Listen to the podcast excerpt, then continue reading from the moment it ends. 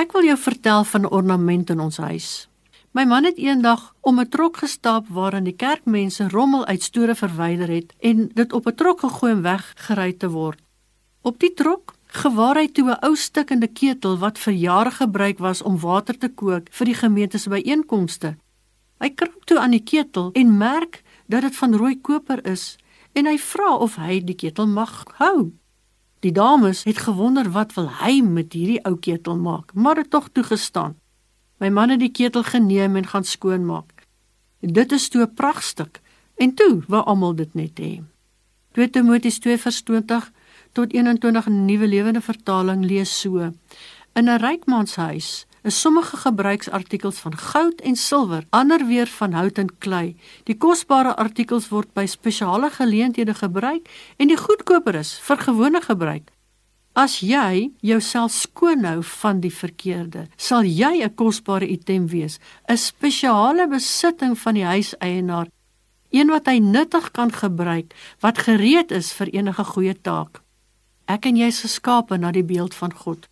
Ons goddelike DNA kan nie uitgewis word nie. Niks wat ons kan doen kan maak dat God se liefde vir ons minder word nie.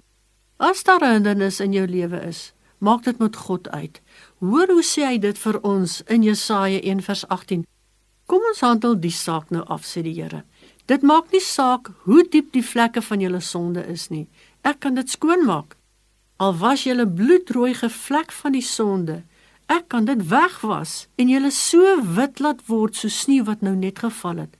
Selfs al is die vlekke van julle sonde purperrooi, Ek sal julle skoonmaak sodat julle so wit so splinternuwe wol sal lyk. 1 Johannes 1 vers 7 Ons is alleen deel van hierdie hegte familie van God as ons optrede presies is soos wat God dit van ons verwag.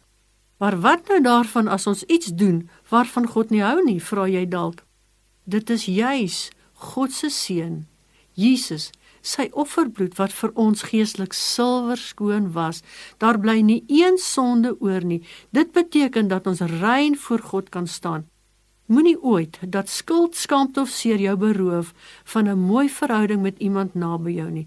Moet ook nie dat iets jou vrymoedigheid steel teenoor God nie. Praat dit met hom uit.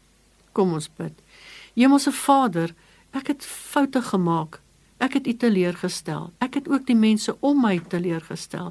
Here vergewe my en help my om in die regte verhouding met U en my mense te leef. Dankie Here. Amen.